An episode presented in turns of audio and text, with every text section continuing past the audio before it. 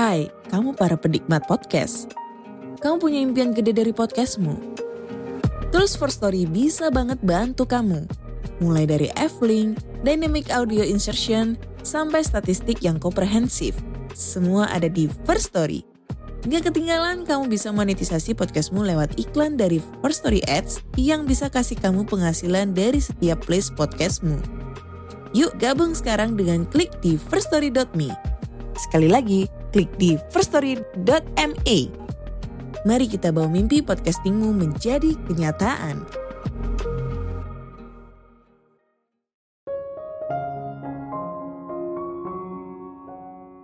Ketika kita berhenti berpikir saya versus kamu atau kita versus mereka, mungkin kita bisa berada pada kesimpulan yang berbeda. Halo semuanya, nama saya Michael. Selamat datang di channel saya, Sikutu Buku. Kali ini saya akan bahas bagaimana cara kita untuk tidak setuju dengan lebih baik. Konflik boleh dibilang merupakan bagian dari kehidupan kamu mungkin mengalami konflik dengan teman, keluarga, guru, rekan kerja, atasan, bawahan, dan sebagainya. Konflik secara alamiah muncul dalam interaksi manusia. Banyak orang sering kali menghubungkan konflik dengan kemarahan atau hati yang terluka. Tapi tentu saja tidak selamanya konflik harus seperti itu. Kita perlu belajar untuk tidak setuju tanpa bersikap destruktif. Hal ini memang tidak mudah, Secara alamiah, manusia didesain untuk bertahan hidup. Jadi, ketika kita berada dalam situasi yang mungkin bisa berbahaya, kemungkinan besar kita akan menghindar. Mungkin kita berani ngomong karena takut tidak disukai, takut orang lain marah, bahkan di kasus yang ekstrim karena takut dipecat. Atau mungkin saja di dalam diri kita mengambil jalan termudah, yaitu setuju dengan orang lain. Ingat, setuju itu tidak selalu menjadi jawaban yang paling benar. Ketika kita tidak menyuarakan apa pandangan yang kita anggap benar, mungkin saja ini bisa jadi malapetaka besar di kemudian hari. Sebelum kita mulai, buat kalian yang mau support channel ini agar terus berkarya, caranya gampang banget. Kalian cukup klik subscribe dan nyalakan loncengnya. Dukungan kalian membantu banget supaya kita bisa rutin posting dan bersama-sama belajar di channel ini.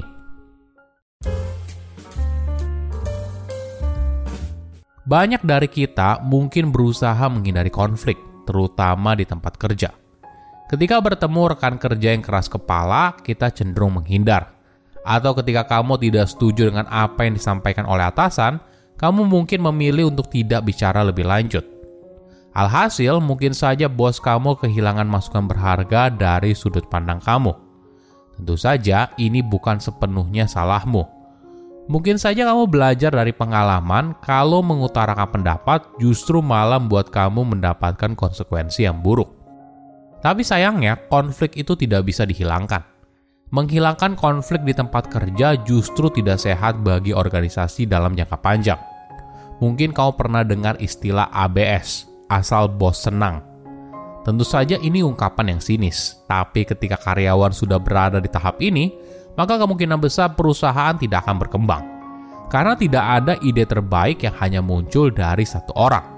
Tapi sebuah ide yang baik berasal dari diskusi bolak-balik, melalui serangkaian penyempurnaan, hingga akhirnya ide itu siap untuk diwujudkan dalam dunia nyata. Mungkin sebelum datang ke sebuah meeting, kita perlu mulai dengan mindset kalau kita mungkin saja salah. Ini sudut pandang yang menarik karena kita sering kali punya mindset kita versus mereka. Saya benar dan kamu salah. Jadi ketika kita punya mindset di awal kalau kita mungkin saja salah, maka kita berusaha untuk memahami sudut pandang orang lain. Alih-alih berusaha membantah atau mempertahankan argumen yang kita miliki. Ada sudut pandang yang menarik soal konflik. Bagaimana bila kita melihat konflik sebagai sebuah energi yang muncul dari gap antara apa yang kita mau dan apa yang sedang kita alami? Nah, pertanyaannya, bagaimana bisa kita menggunakan energi itu untuk bergerak dari apa yang sedang kita alami menuju apa yang kita mau? Mungkin kita perlu belajar untuk tidak setuju dengan orang lain. Bukan artinya kita harus jadi teman dan bersikap baik satu sama lain, walaupun tentu saja hal ini membantu. Tapi yang paling penting, kita perlu belajar untuk tidak setuju sehingga kita bisa mencari solusi atas masalah yang sedang dihadapi daripada hanya sibuk bertengkar yang tiada ujungnya. Di dunia bisnis, mungkin kita menyebutnya sebagai konflik yang sehat. Hal ini memang tidak mudah. Sejak kecil, kita diajarkan untuk bisa hidup berdampingan dengan orang lain. Kita diajarkan untuk bisa bekerja sama baik satu sama lain tapi di sisi lain, kita mungkin tidak belajar bagaimana untuk bilang tidak setuju. Jadi, ini adalah upaya perbaikan diri kita bersama. Konflik yang sehat memberikan ruang untuk memperlakukan orang lain dengan penuh hormat, mendengarkan apa yang disampaikan, dan mempertimbangkan ide tersebut saat diskusi. Nah, apa contoh konflik yang sehat di kantor?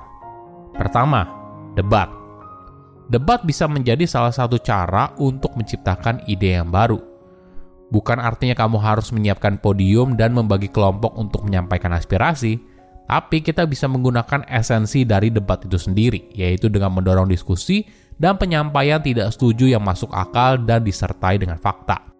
Yang penting, jangan sampai debat ini malah jadi berujung caci maki. Kedua, kompetisi persahabatan kompetisi mendorong inovasi bisnis di pasar. Nah, ini bisa efektif jika dilakukan di perusahaan. Misalnya, di kantor sedang ada proyek besar dan butuh ide yang segar. Cobalah untuk membaginya menjadi beberapa tim dan mereka berkompetisi untuk menemukan solusinya.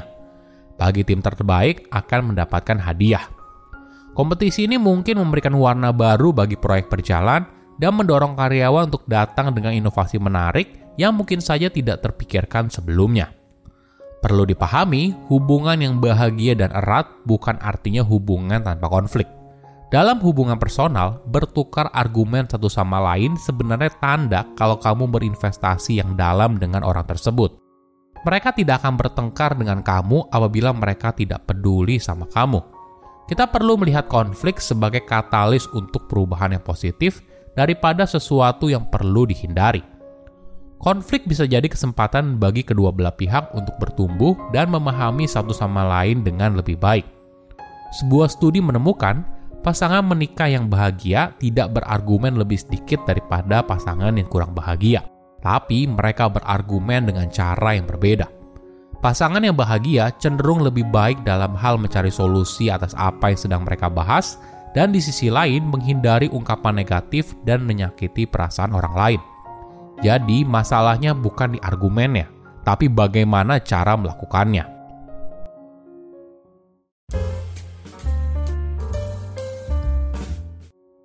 Nah, bagaimana cara kita untuk tidak setuju dengan lebih baik? Pertama, cari kesamaan.